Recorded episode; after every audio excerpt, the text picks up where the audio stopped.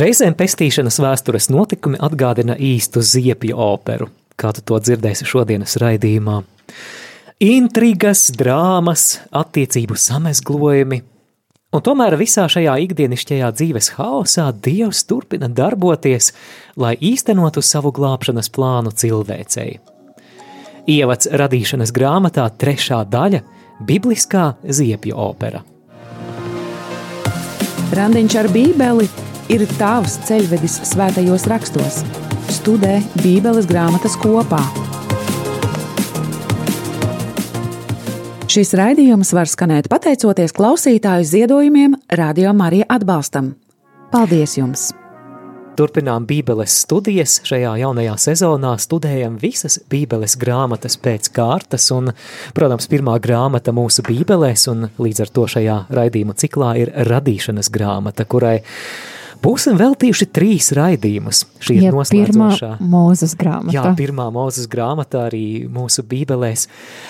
Un um, mēs te jau mazliet ievadā minējām tās ziepju operas un atzīsties klausītāji, vai tu esi skatījies, varbūt joprojām skaties ziepju operas. Es labāk tev, Olga, jautāšu. Olga, kā ir ar tevi? Esi meksikāņu, varbūt seriālus skatījusies? Protams, meksikāņu, gan arī brazīliešu un Argentīnas un, un nu, protams, ka tikko parādījies un tad visi bijām pie televīzora. Es zinu, ka daudzi klausītāji atceras, ka postpadomju telpā iespējams viens no pirmajiem ārzemju seriāliem bija par izauru. Jā. Tālāk sekoja bagātie arī raud, ko es starp citu arī skatījos. Tur bija. Un arī raudāja līdzi. pārdzīvoju un gaidīju nākamo sēriju. Jā, un patiesība daudzi arī uh, varēja dzirdēt arī veikalos starp draugiem, paziņiem. Visi apsprieda, es atceros, kā arī mēs skola klasē arī apspriedām skatām seriālus, runājam, kas vairāk patīk no vāroņiem, runājam par eh, kaut kādiem notikumiem, eh, kas tur, nu, dzīvojam līdzi Bija arī Var mūžīgie seriāli Santa Barbara un Hameleonu rotaļas. Es nezinu, es, kā viņi arī beidzas jā, ar ko. neskatījos šos seriālus, bet cik es sapratu no klases biedriem, ka šie seriāli esot bijuši tik gari, ka tur ik pa laikam aktieri esot pat nomainījušies. Protams, nevarēja, nevarēja izturēt laikā. Mēs varam atcerēties arī par mūsu pašmāju seriālu Ugunsgrēks un par citiem, bet kāpēc mēs to pieminam? Bībeles sižeti, kurus mēs eh, lasām atlikušajā radīšanas grāmatas porcijā, un tas ir stāsts par patriarhu Jēkabu, un tad vēlāk arī par Jāzepu un viņa brāļiem, vietām ļoti atgādina ziepju operas sižetu. Tie ir seriāla vērti. Un eh, neraugoties uz to, kā mēs eh, redzēsim, neraugoties uz visām cilvēciskajām vājībām un intrigām, Dievs turpina būt uzticams saviem apsolījumiem. Un tad mēs sākam. Iepazīsim Bībeles grāmatas kopā. Raidījums Randiņš ar Bībeli. Sāksim ar krusta zīmi Dieva tēva un dēla un svētā gara vārdā. Āmen. Āmen. Īzaks, Ābrahama dēls, ir apņēmis par sievu meiteni vārdā Rebeka. Un Dievs šo laulāto pāri pēc pārbaudījumiem, arī pēc mm, kāda brīža, jā, pēc neauglības eh, problēmas, vīrs lūdza, un Dievs atbild uz šo lūkšanu, un Dievs šo laulāto pāri svētī dubultā, svētī ar dvīņiem. Un Rebeka saņem no Dieva pravietojumu par šiem abiem zēniem, kur, kuriem drīz ir jānāk pasaulē. Divi tautas ir tavā klēpī, un divi ciltis izraisīsies no tavām miesām, un ciltis sacentīsies ar cilti varas dēļ, un vecākais kalpos jaunākajam. Tas ir radīšanas grāmatas 25. nodaļas 23. pants. Jā, liktos tāda svētība dvīņi, bet jā, tad divas tautas nāk, nāks no tiem diviem dēliem. Vieni ir ebreji, un otrie ir savukārt edomieši, bet tomēr viņu starpā ir sacensības, tā kā konkurence, un pretī ierastajai kārtībai tas jaunākais būs tas, kas valdīs. Jā, tā Dievs pavēstīja šajā pravietiskajā vēstījumā šo dvīņu mātei Rebekai, bet abi brāļi ir ļoti atšķirīgi. Vecākais vārdā Ēzaus ir spalvains vīrs, un Ēzavam patīk būt ārā, viņam patīk būt pie dabas, viņam patīk būt laukā un mežā, viņam ļoti patīk medīt. Savukārt jaunākais brālis Jēkabs viņš labprātāk laiku pavada mājās. Bet, jā, neskatoties uz to, mēs lasām Bībeli, kāda rakstu vieta ļoti precīzi raksturo Ēzavu. Jā, kādu dienu Ēzavs pārnācis no lauku uz mājām, bija noguris, izsalcis, un viņš redz, ka Jēkabs sagatavoja lēcu putru, un izsalkušajam Ēzavam likas tā putra ļoti kārdinoša, un viņš bija gatavs šķirt atskirties no kaut kā ļoti, ļoti svarīga, un Jēkabs eh, viegli izmanto šo situāciju. Tad Jēkabs atbildēja: Pārdod man pa priekšu savu pirmdzimtību, un Esaus sacīja: Man tā kā tā jāmirst, ko man tur līdz pirmdzimtība? Un Jēkabs sacīja: Zvēri man pa priekšu. Tad viņš zvērēja un pārdeva Jēkabam savu pirmdzimtību. Bet Jēkabs deva Esavam maizi un lēcu virumu, un tas ēda un dzēra un cēlās un aizgāja. Tā Esavs nicināja savu pirmdzimtību, Pirmdzimtā tiesības tajā laikā bija īpašas privilēģijas, kas pienācās vecākajam dēlam. Īpaša svētība, un galu galā mantinieks ģimenē ir tieši pirmdzimtais. Un kā mēs dzirdējām, Eizaus savas pirmdzimtā tiesības pārdot brālim ne par miljonu, ne par, par miljārdu, lēcu. par lēcu bļodu. Morāli. Neatdot to, kas dārgs par niekiem. Patiesībā jebkurš vilinājums uz nāvīgu grēku ir kā tāds vilinošs lēcu putras šķīvis brīdī, kad mēs esam izsalkuši kā ēzaus.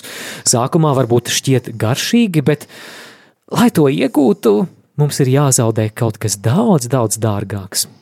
Un mēs redzam tālāk situācija, jau Īzaks, kad jūta, kā tuvojas jau viņa nāves diena, viņš palika pavisam vecs un diezgan jau akls, un viņš vēlas svētīt Ēsafu, un Bet viņš arī nemaz laikam nenojauta par šo situāciju, ka tomēr Ēzafs ir pārdevis tas savas tiesības jēkabam par lēcam.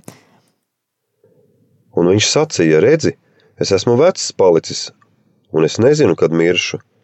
Tādēļ ņem savus ieročus, savu bultu maku un savu loku un izēj laukā un medī man medījumu.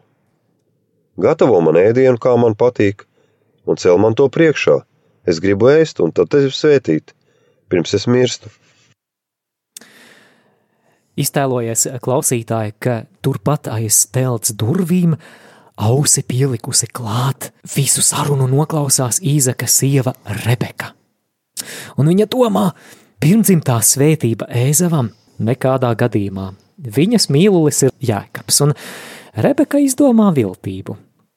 Kamēr Ēzavs ir medībās, viņa pati sagatavo cepeti, un ar šo cepeti viņa sūta pie tēva Jēkabu, lai pirmdzimtā svētība tomēr tiktu viņam. Nu, vai tā neizklausās pēc īstas ziepju operas?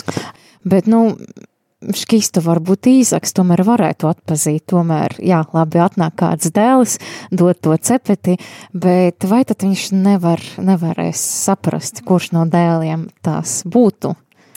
Arī par šo lietu Rebeka jau saulaicīgi ir padomājusi, lai Jēkabs aklajam tēvam šķistu līdzīgāks spalvainajam ēsavam, viņa Jēkabu ietērpja kažokādās. Gan jau aklais Īzaks aptaustīs un neko ļaunu nenojautīs. Un... Es vienmēr iedomājos, nu, cik viņš bija spalvains, ka vajadzēja ar kažoku apklāt.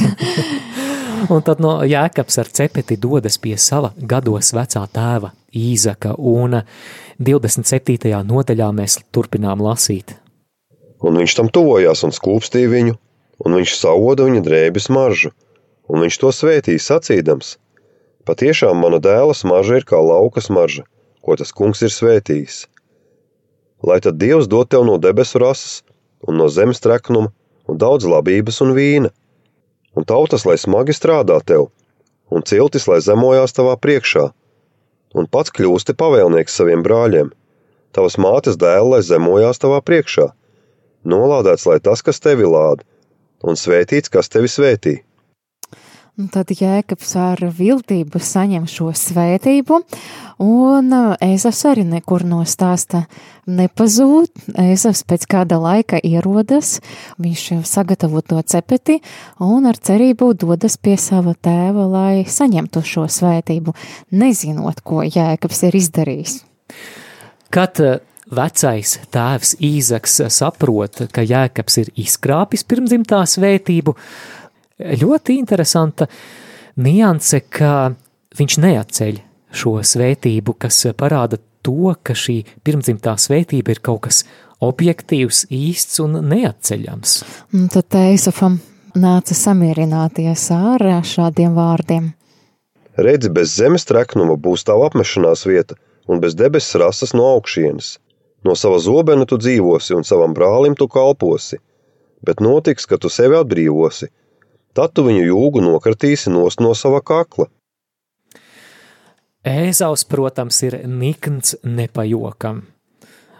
Viņš ir apņēmies nogalināt savu brāli Jēkabu, jo kaut ko tādu nevar paciest.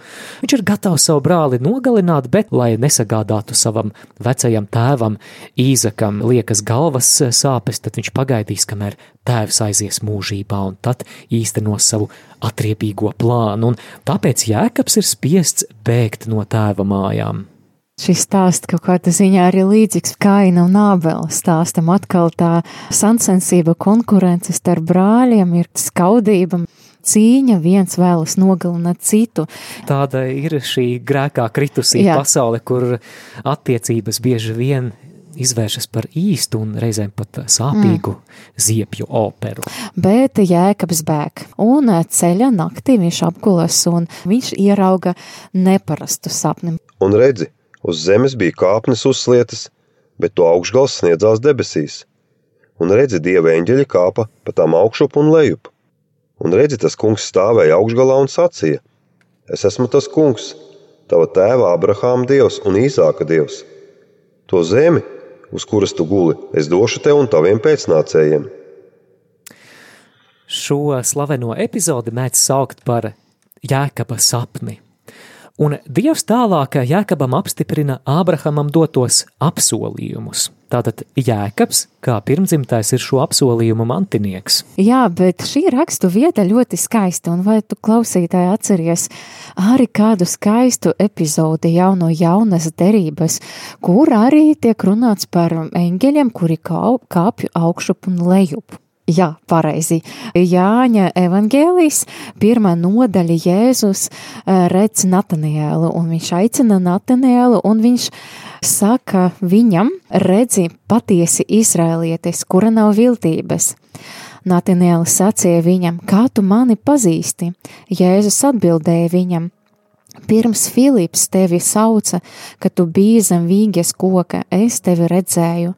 Natinēls atbildēja viņam: Rabi, tu esi Dieva dēls, tu esi Izraēla ķēniņš. Jēzus viņam atbildēja: Tu tici tāpēc, ka es tev, tev sacīju, ka redzēju tevi zem vīges koka. Tu redzēsi lielakas lietas par šīm patiesi, patiesi, es jums saku, jūs redzēsiet, redzēsiet debesīs atvērtas un dieva eņģeļus nokāpjam uzkāpjam un nokāpjam uz cilvēka dēlu. Un mēs redzam, jā, ka dieva eņģeļi kalpoja Jēzum, un kas arī interesanti man šķiet šeit, jā, mēs tā nedaudz salīdzinām, par, runājot par jēkabu, noteikti par vecas derības jēkabu, ka viņš noteikti bija ar tādu viltību, bet Jēzus par Natanielu saka, patiesais izraēlietis bez viltības, kas man liekas arī interesanti. Starp citu, šī Jāņa evaņģēlija epizode ir netieša norāde uz Jēzus dievišķību, jo kas stāv kāpņu augšgalā Jēkaba sapnī? Dievs. Savukārt tagad Jēzus vārdos eņģeļi uzkāpj un nokāpj uz ko? Uz cilvēka dēlu, tātad Jēzu. Tātad tā persona, ko kāpņu augšgalā ir redzējis sapnī Jēkabs, tas ir Jēzus Kristus cilvēka dēls. Jēkabs redz to sapni, un šī pieredze kopā ar Dievu ir tik liela, ka šo vietu viņš nosauc par Bēteli un no ebreju valodas Dieva nams un uzceļ tur piemiņas akmeni. Šajā vietā Jēkabs vēl atgriezīsies pēc vairākiem gadiem. Un šajā vietā Jēkabs Dievam dot īpašu solījumu. Lasām radīšanas grāmatā 28. nodaļā no 20. panta. Un Jēkabs deva solījumu sacīdams: Ja Dievs būs ar mani un pasargās man šī ceļā, ko es eju, un dos man maizi, ko ēst, un drēbes, ar ko ģērbties, un liks man sveikam atgriezties savu tēvu namā, tad tas kungs man būs par dievu. Bet šis akmens, ko es esmu cēlis par piemiņas akmeni, taps par dieva namu, un no visa, ko Dievs man dos, es došu desmito tiesu viņam. Jēkabā dzīves stāsts ir interesants ar to, ka tā ritējuma gaitā mēs redzam, kā pamazām Jēkabs ar vien vairāk un vairāk nobriest savās attiecībās ar Dievu. Jo šajā viņa dzīves mm -hmm. posmā mēs diez vai par viņu varam runāt kā par nobriedušu Dieva vīru. Kāpēc es to saku? Šajā apsolījumā Jēkabs ietver atrunas – Mm -hmm. Tu būsi mans kungs, Dievs, tad, ja tu mani svētīsi, tad, ja tu mani sargāsi, tad, ja tu man palīdzēsi atgriezties tēva mājās, sveikam un veselam un neskartam. Vai tas neatgādina varbūt arī reizē mūsu pašus garīgajā dzīvē, vai mēs vēlamies kalpot kungam, vai mēs viņu izvēlamies tādēļ, ka sagaidām no viņa kādas īpašas svētības, kādas atbildes, vai mēs viņu izvēlamies viņa paša dēļ. Jā, bet mēs redzam, ka Jēkabs varbūt tajā ir ceļa sākumā attiecības ar Dievu, un nereti arī tie cilvēki, kas eh, tomēr atgriežas pie Dieva, tas bija tāds, nu, arī dzirdot kādas liecības, tas bija viņam pirmais solis, kad viņa teica, ka Dievs, ja tu esi, jā, tad eh, lūdzu, lūdzu, lūdzu, jā, un tad eh, mēs redzam, ka līdzīgi arī ar Jēkabu, bet mēs arī redzēsim arī turpmākā dzīves gaita, un ar briedumu arī mainas jēkaba attiecības ar Dievu. Tad viņš sāk staigāt ar kungu un arī mainas viņa lūkšana. Mēs to redzēsim, bet tas jau pēc brīža. Randiņš ar bībeli ir tavs ceļvedis svētajos rakstos. Studē Bībeles grāmatas kopā. Skatāmies, kas notiek tālāk. Jēkabs Bēgdams no sava brāļa Ēsava nonāk Hārānā pie sava mātes brāļa Lābana, kur apmetas dzīvot, un kur nu ziepju opera bez romantikas, bez mīlestības. Jā. un Jēkabs iemīlas Lābana jaunākajā meitā Rāhelē. Viņš tik ļoti iemīla šajā meitenē, ka ir gatavs kalpot Lābanam septiņus gadus. Iedomājieties, septiņi darba gadi, lai tikai aprecētu šo skaisto meiteni, uz ko tik mīlestība nav gatava. Un Lābans piekrīt, bet tomēr kāzu naktī liktenis atspēlējas. Ja Jēkabs bija krāpnieks, viņš ar viltību saņēma savu pirmdzimtību, nu tagad viņš arī tika piekrāps un pamostoties pēc kāzu nakts, Jēkabs saprot, ka tā nav Rahele, tā ir Lea, viņas eh, vecāka māsa. Jā, Lābans visu to ir tā sakārtojis un vēl taisnojas. Redzi, mums eh, nav pieņemts jaunāko meitu atdot par eh, sievu, kamēr eh, vecākā nav izprecināta. Nu, tad pieņem šo. Bet, ak, tā mīlestība tā spēja visu, tā panes visu, un Jēkabs ir gatavs strādāt vēl septiņus gadus pie Lābana, lai tomēr aprecētu arī Rāheli, un viņam tad šī iespēja tika tiek dota. Tiek dota. Un arī interesanti, ka Bībele rakstīts, ka Jēkabam bija tik liela mīlestība pret Rahele, ka šie septiņi gadi viņam izlīkas par dažam dienam. Es tieši pārbaudīju Jā. šodien, tieši tā arī rakstīt, nu, rakstīts, iedomāju, septiņi gadi, bet viņam likas par dažam dienam, un tad, nu, viņam ir divas sievas, un, un pie tām viņas abas ir savstarpēji māsas, un, protams, kā atkal tā ziepju opera tur turpinās un sākas jau sancensības starp Rāheli un Leu. Un kā tas izpaudās, kuram dzemdinās vairāk bērnu. Un pie tām, lai vēl vairāk, lai nezaudētu, viņas katra dot par blakus sievam arī savas kalpones jēkabam, lai viņam būtu bērni. Un tā jēkabs kļūst par 12 dēlu tēvu. Un lūk šo dēlu vārdu dzimšanas secībā. Pirmais ir Rūpens, Simeons, tad Levī, Jūda, Dans, Naftalī, Gāds, Ašers, Īzašars, Zebulūns Jāzeps. un jaunākais Benjamīns. Un šos vārdus mēs minam tāpēc, ka tam būs ļoti svarīga nozīme arī tālāk lasot Bībeli, jo šie 12 jēkaba dēli kļūst par ciltstēviem 12 Izrēļa ciltim, un arī šīs ciltīs arī tiek saukti ciltstēvu vārdos. Ceļojums cauri Bībelei raidījumā Randiņš ar Bībeli.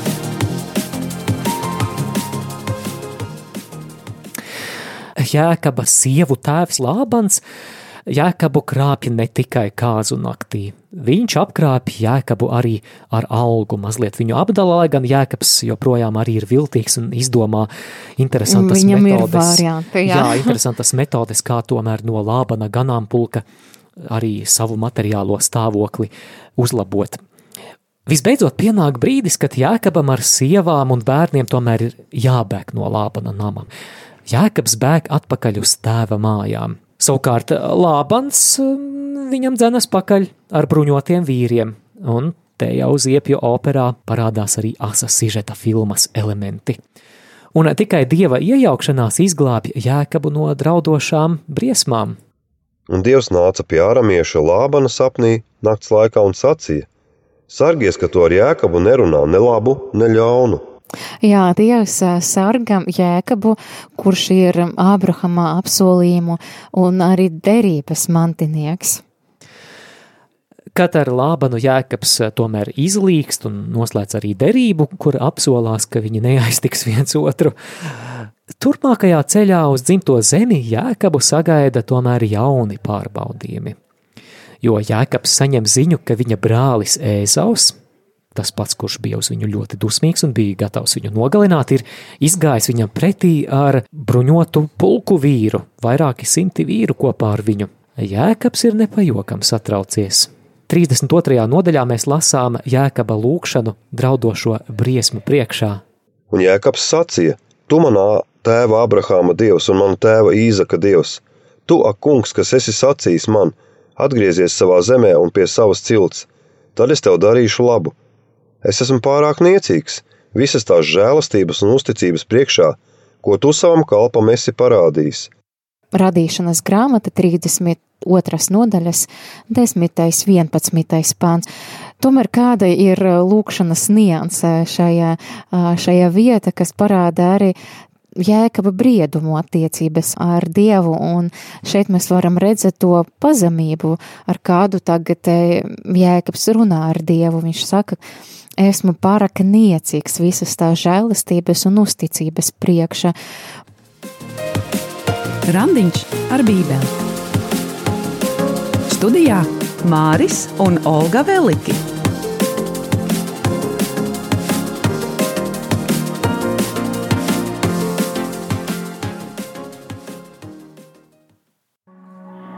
Kādu nakti Jēkabs piedzīvo cīņu ar noslēpumainu būtni, ar eņģeli, un viņi cīnās visu nakti līdz eņģelis saka šādus vārdus.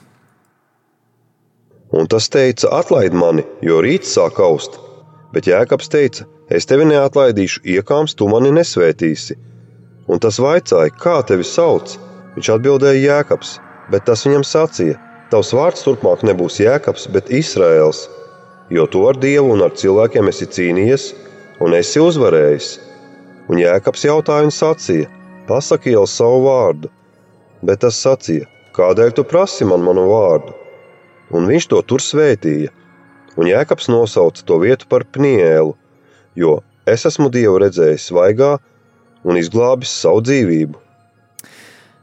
Izrādās, ka šī cīņa ir bijusi mistiska, neparasta satikšanās ar pašu kungu. Ar pašu kungu, kurš viņam tagad piešķir jaunu vārdu Izraēls, un šajā vārdā arī tiks saukta tauta, kas nāks no Jēkaba pēcnācējiem, Izrēļa tauta.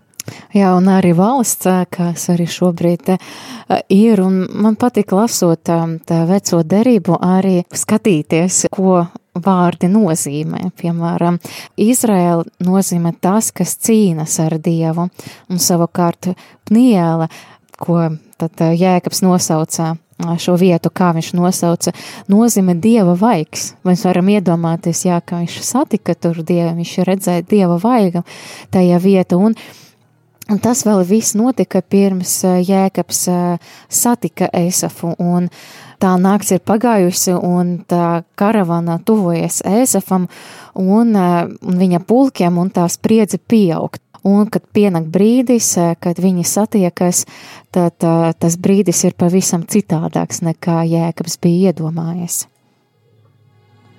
Bet Ēsaus steidzās tam pretīm, un to apkampa, krita tam ap kaklu un to skūpstīja, un tie raudāja.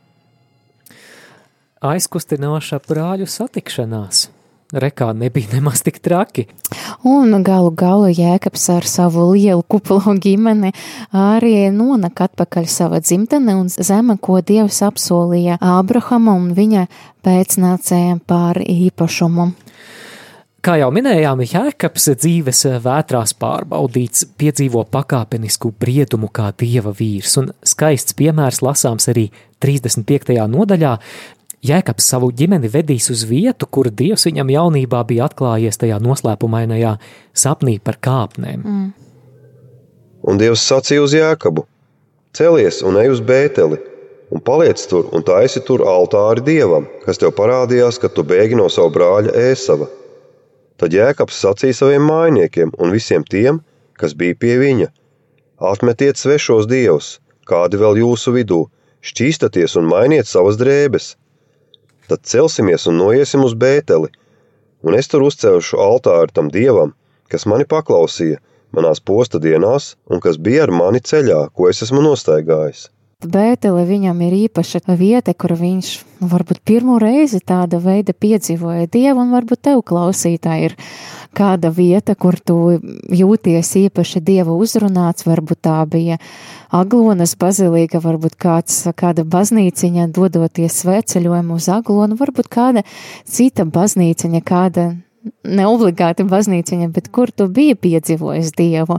Nu, man, piemēram, tā ir Jēkaba katedrāle. Runājot par Jēkabu, jau tā man ir Jēkaba katedrāle, kur tika iepazīts Dievs. Un šajā vietā, kur atgriezties, Dievs Jēkabam apstiprina Ābrahamam dotos apsolījumus, un Jēkabs ir šo apsolījumu mantinieks, kā mēs lasām. Un Dievs viņu pamācīja: Es esmu visspēcīgais Dievs, augļojies un vairojies. Tauta, jā, pat tautu kopa, lai ceļas no tevis, un ķēniņi nāks no taviem gurniem.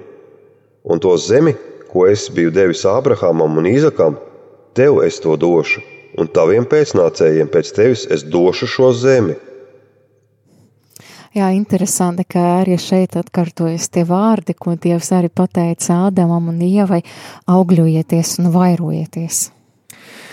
Šeit noslēdzas Jēkaba stāsts, lai gan Jēkabs vēl parādīsies arī turpmākajos notikumos, bet jau otrajā, otrajā plānā. Otrajā plānā.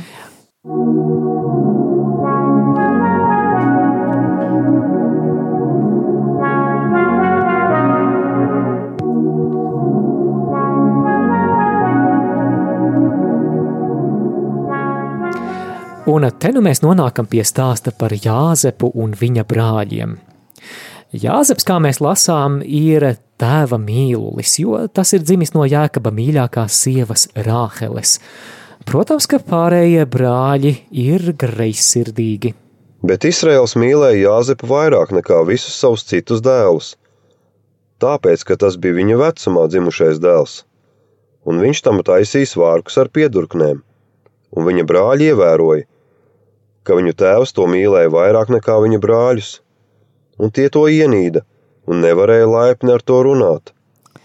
Un atkal var tā teikt, tās sliktas ģimenes tradīcijas, konkurences starp brāļiem, un vēl situāciju sāsina tas, ka Jāzeps sapņo, viņš ir sapņotais, viņš redz sapņus un arī stāsta par tiem sapņiem. Viņš stāsta, piemēram, ka uh, brāļi un māte un tie, tēvs nāks pie viņa un klanīsies viņam. Dažreiz uh, mums palīdz tās, ka mēs turam tomēr mēli aiz zobiem un nerunājam lieku, un tas nepajokam arī sadusmo brāļus, un viņi izdomāja izdarīt kaut ko sliktu un viņi cits citam sacīja: Lūk, tur nāk tas lielais sapņotājs! Nokausim viņu un iemetīsim to kādā no bedrēm, un sacīsim, plēsīgs zvērs to ir aprīs. Tad mēs gan redzēsim, kas būs ar viņa sapņiem. Viens no Jāzepa brāļiem Jūda piedāvā sakarīgāku risinājumu. Garām iet tirgotāju karavāna, labāk pārdodam viņu garām ejošajai tirgotāju karavānai. Tā arī notiek. Ar šo tirgotāju karavānu Jāzeps nonāk Ēģiptē, viņš kļūst par kalpu kāda augstmaņa Potifara namā, un Dievs mēs lasām Jāzepu svētī, un caur Jāzepu Dievs svētī visu Potifara namu. Bet tas kungs bija ar Jāzepu, un visam, ko vien tas darīja, lika labi izdoties –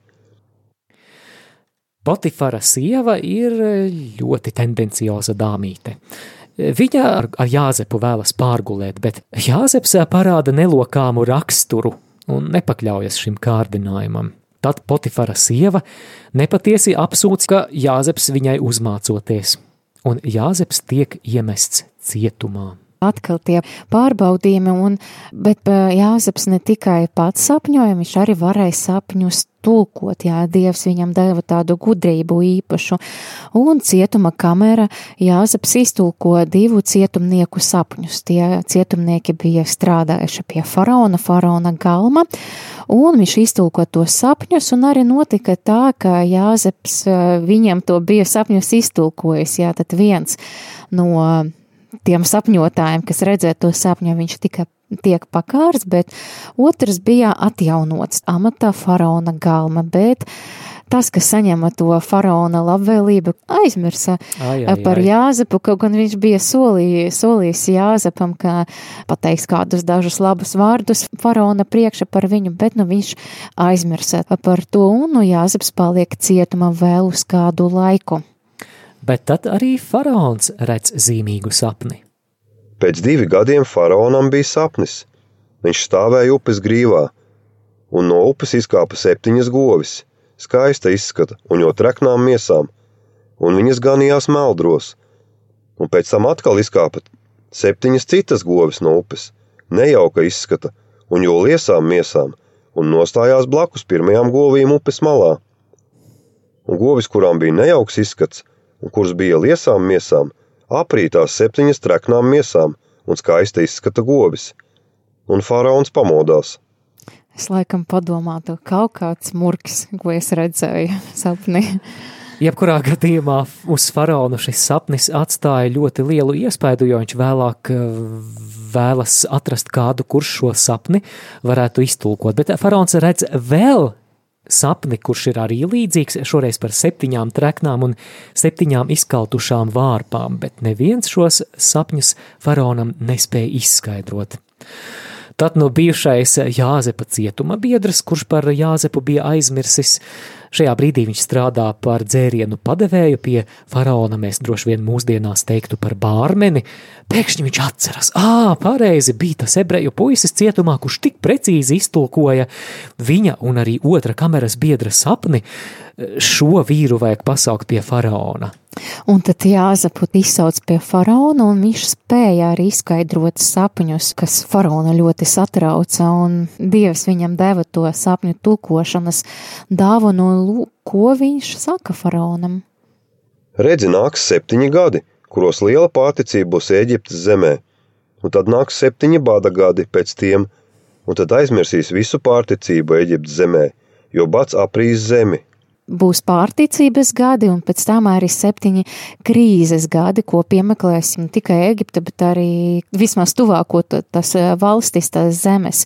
Bet eh, vēl Dievs arī deva Jāzepam tādu gudrību, ka Jāzeps spēja arī piedāvāt to gudru risinājumu faraonam, kā krīzai sagatavoties, lai Eģiptei pietiktu labības. Jāzepa gudrība ir tik pārliecinoša, ka Jāzepu faraons ieceļ par otro svarīgāko personu Ēģiptes valstī, varētu teikt par Ēģiptes premjerministru, un tad nu Jāzeps Jā. šajā augstajā amatā var sākt labības uzkrāšanas darbus gaidāmajiem septiņiem krīzes gadiem. Tad bāts piemeklē arī Kanānas zemi, kur mīt arī Jāzepa tēvs Jēkabs un viņa 11 brāļi. Brāļi ir spiesti doties iespējas iepirkties. Un Eģipte bija labi sagatavojusies, un pateicoties e, Jāzepa gudrībai, tur vēl bija pārtika pieejama. Tad, nu, brāļi nonāk Jāzepa priekšā, nemaz nenojaušot kā eģiptiešu augstmanīs patiesība ir viņu miesīgais brālis. Un interesanti, ka piepildās tas, ko bērnībā Jāzeps bija sapņojis, ka viņa tuvinieki zemosies viņa priekšā, un tagad šie brāļi ir nometušies šī eģiptiešu augstmaņa priekšā, nemaz nenojaušot, ka tas ir Jāzeps, kuru viņi savulaik pārdeva tirgotājiem. Jāzeps vēl kādu brīdi spēlē spēlīti, viņš neatklāja savu identitāti. Nu, kā no ziepju opera. Jā, un Jāzeps viņiem piekodina, ka viņiem viņa vaigu vairs neredzēt, kad viņi atgriezīsies, ja nākamreiz viņi neatvedīs arī savu jaunāko brāli Benjamīnu, kurš tajā laikā bija palicis mājās kopā ar tēvu. Lai ka viņš Benjamīnu ļoti mīlēja. Jā, un, protams, arī tās bailes, ka, ka tik nenotiek ar jaunāko dēlu, kurš arī ir Rāheles, viņa mīļākā sievas dēls, tas pats, kas notika ar Jāzepu. Un tomēr nākamajā reizē, kad brāļi dodas uz Ēģipti, Benjamīns jau ir kopā ar viņiem pretēji visām tēva raizēm. Bet Jāzeps turpina spēlēt spēlītes. Viņš izspēlē kārtējo triku ar saviem brāļiem, Benjamīna maisā, labības maisā, viņš liek paslēpt viņa biķeri, brāļiem to nezinot. Kad tas tiek it kā atklāts, viņš draud Benjamīnu iemest cietumā. Un tomēr brālis Jūda uzņemas atbildību un gatavs iet cietumā savā jaunāka brāļa vietā. Viņš noteikti baidas arī par savu tēvu Jēkabu, ka viņš vienkārši nepārdzīvos to, kā tad Benjamins tiks viņam atņemts. Bet interesanti, ka tieši šis brālis Jūda uh, vēlas upurēt savu dzīvi savu jaunākā brāļa priekšā, un vēlāk no jūdas cilts nāks Jēzus Kristus, kurš arī izvēlēsies atdot sevi par upuri nu jau visas cilvēces labā, bet nu lūk, jūdas vārdi Jāzepa priekšā. Tad nu lai tavs kalps paliek zēna vietā tev par vergu pie tevis, mana kunga, bet zēns lai dodas ar saviem brāļiem mājup. Jā, un tālāk mēs redzam, ka, nu, visbeidzot, Jāzeps pārliecinājās par savu brāļu grēku nožalu. Jāzeps arī atklāja brāļiem, kas viņš ir, un interesanti, ka mēs lasam arī Bībeli, dažreiz Jāzep kaut kur paslēpjas un raut, jā, tad viņš tomēr ir kaut kāda ziņa aizkustināts. Un Jāzeps sacīja saviem brāļiem, es esmu Jāzeps, vai mans tēvs vēl ir dzīvs? Bet viņa brāļi nespēja atbildēt jo tik iztrūkušies tie bija viņa priekšā stāvot. Un Jāzeps sacīja saviem brāļiem: Nāciet tuvāk klāt, un tie pienāca. Un viņš sacīja: Es esmu Jāzeps, jūsu brālis, kur jūs pārdevāt uz Eģipti. Bet tagad neesiet apbēdināti un nebīsties, ka jūs mani šurp esat pārdevuši, jo Dievs man sūtīs šurp, lai jums saglabātu dzīvību. Vai vari klausītāji iedomāties, kādu šoku, kādu pārsteigumu piedzīvo Jāzepa brāļi? Viņu priekšā stāv dzīvs, tas, par kuru viņi iespējams bija pārliecināti, ka nekad vairs nesatiks. Jāzeps aicina atvest uz Ēģipti arī tēvu Jēkabu un visu pārējo viņu saimi, un dot viņiem iespēju iekārtoties Ēģiptes labākajās ganībās Gošenes zemē un tā ebreju tautas ciltstēvi tad paliek uz dzīvošanu Eģiptē vairāku gadsimtu garumā.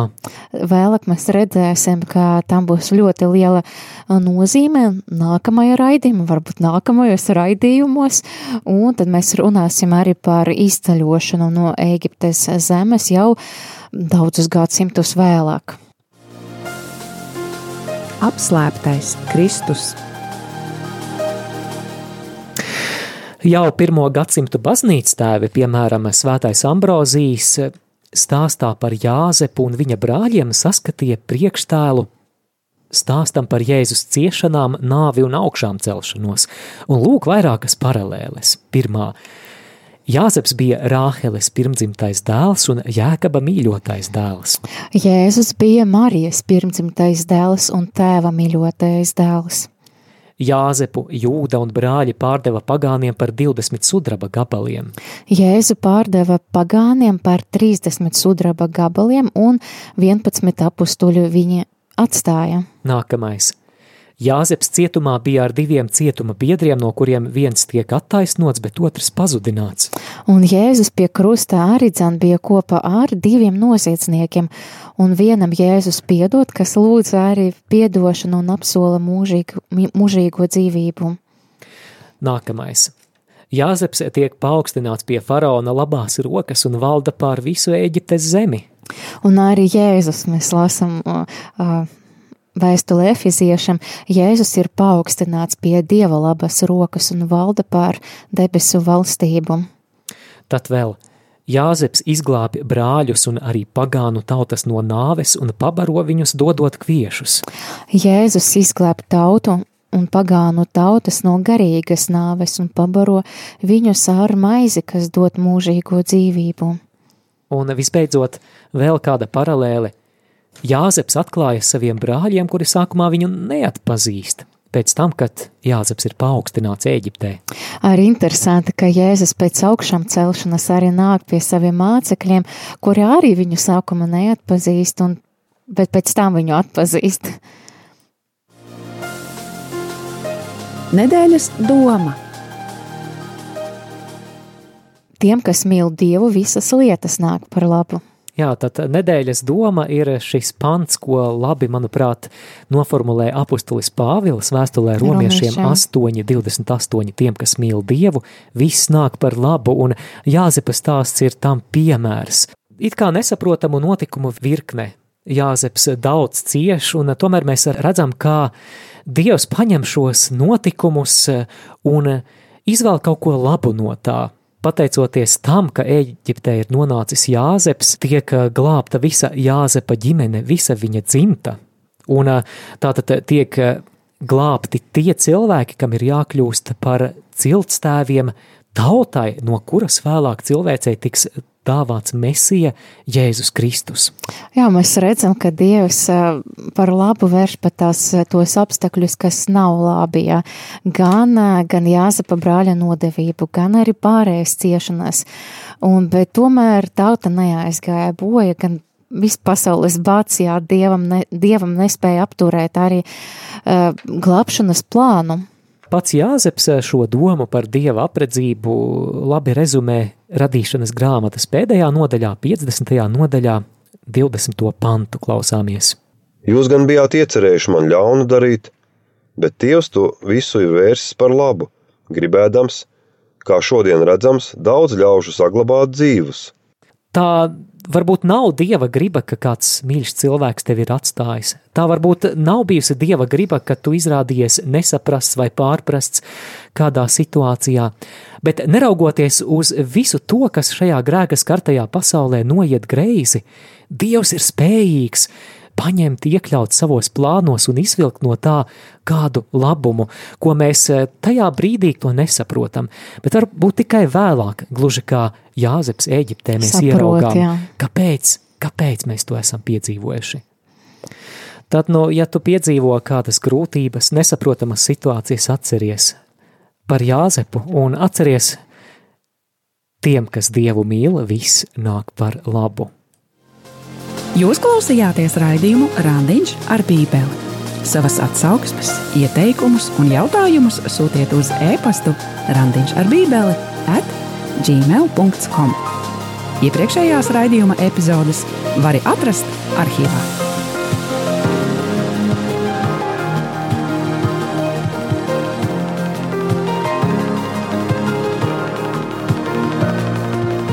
Raidījums varēja izskanēt pateicoties klausītāju ziedojumiem, Radio Mārija atbalstam. Paldies jums!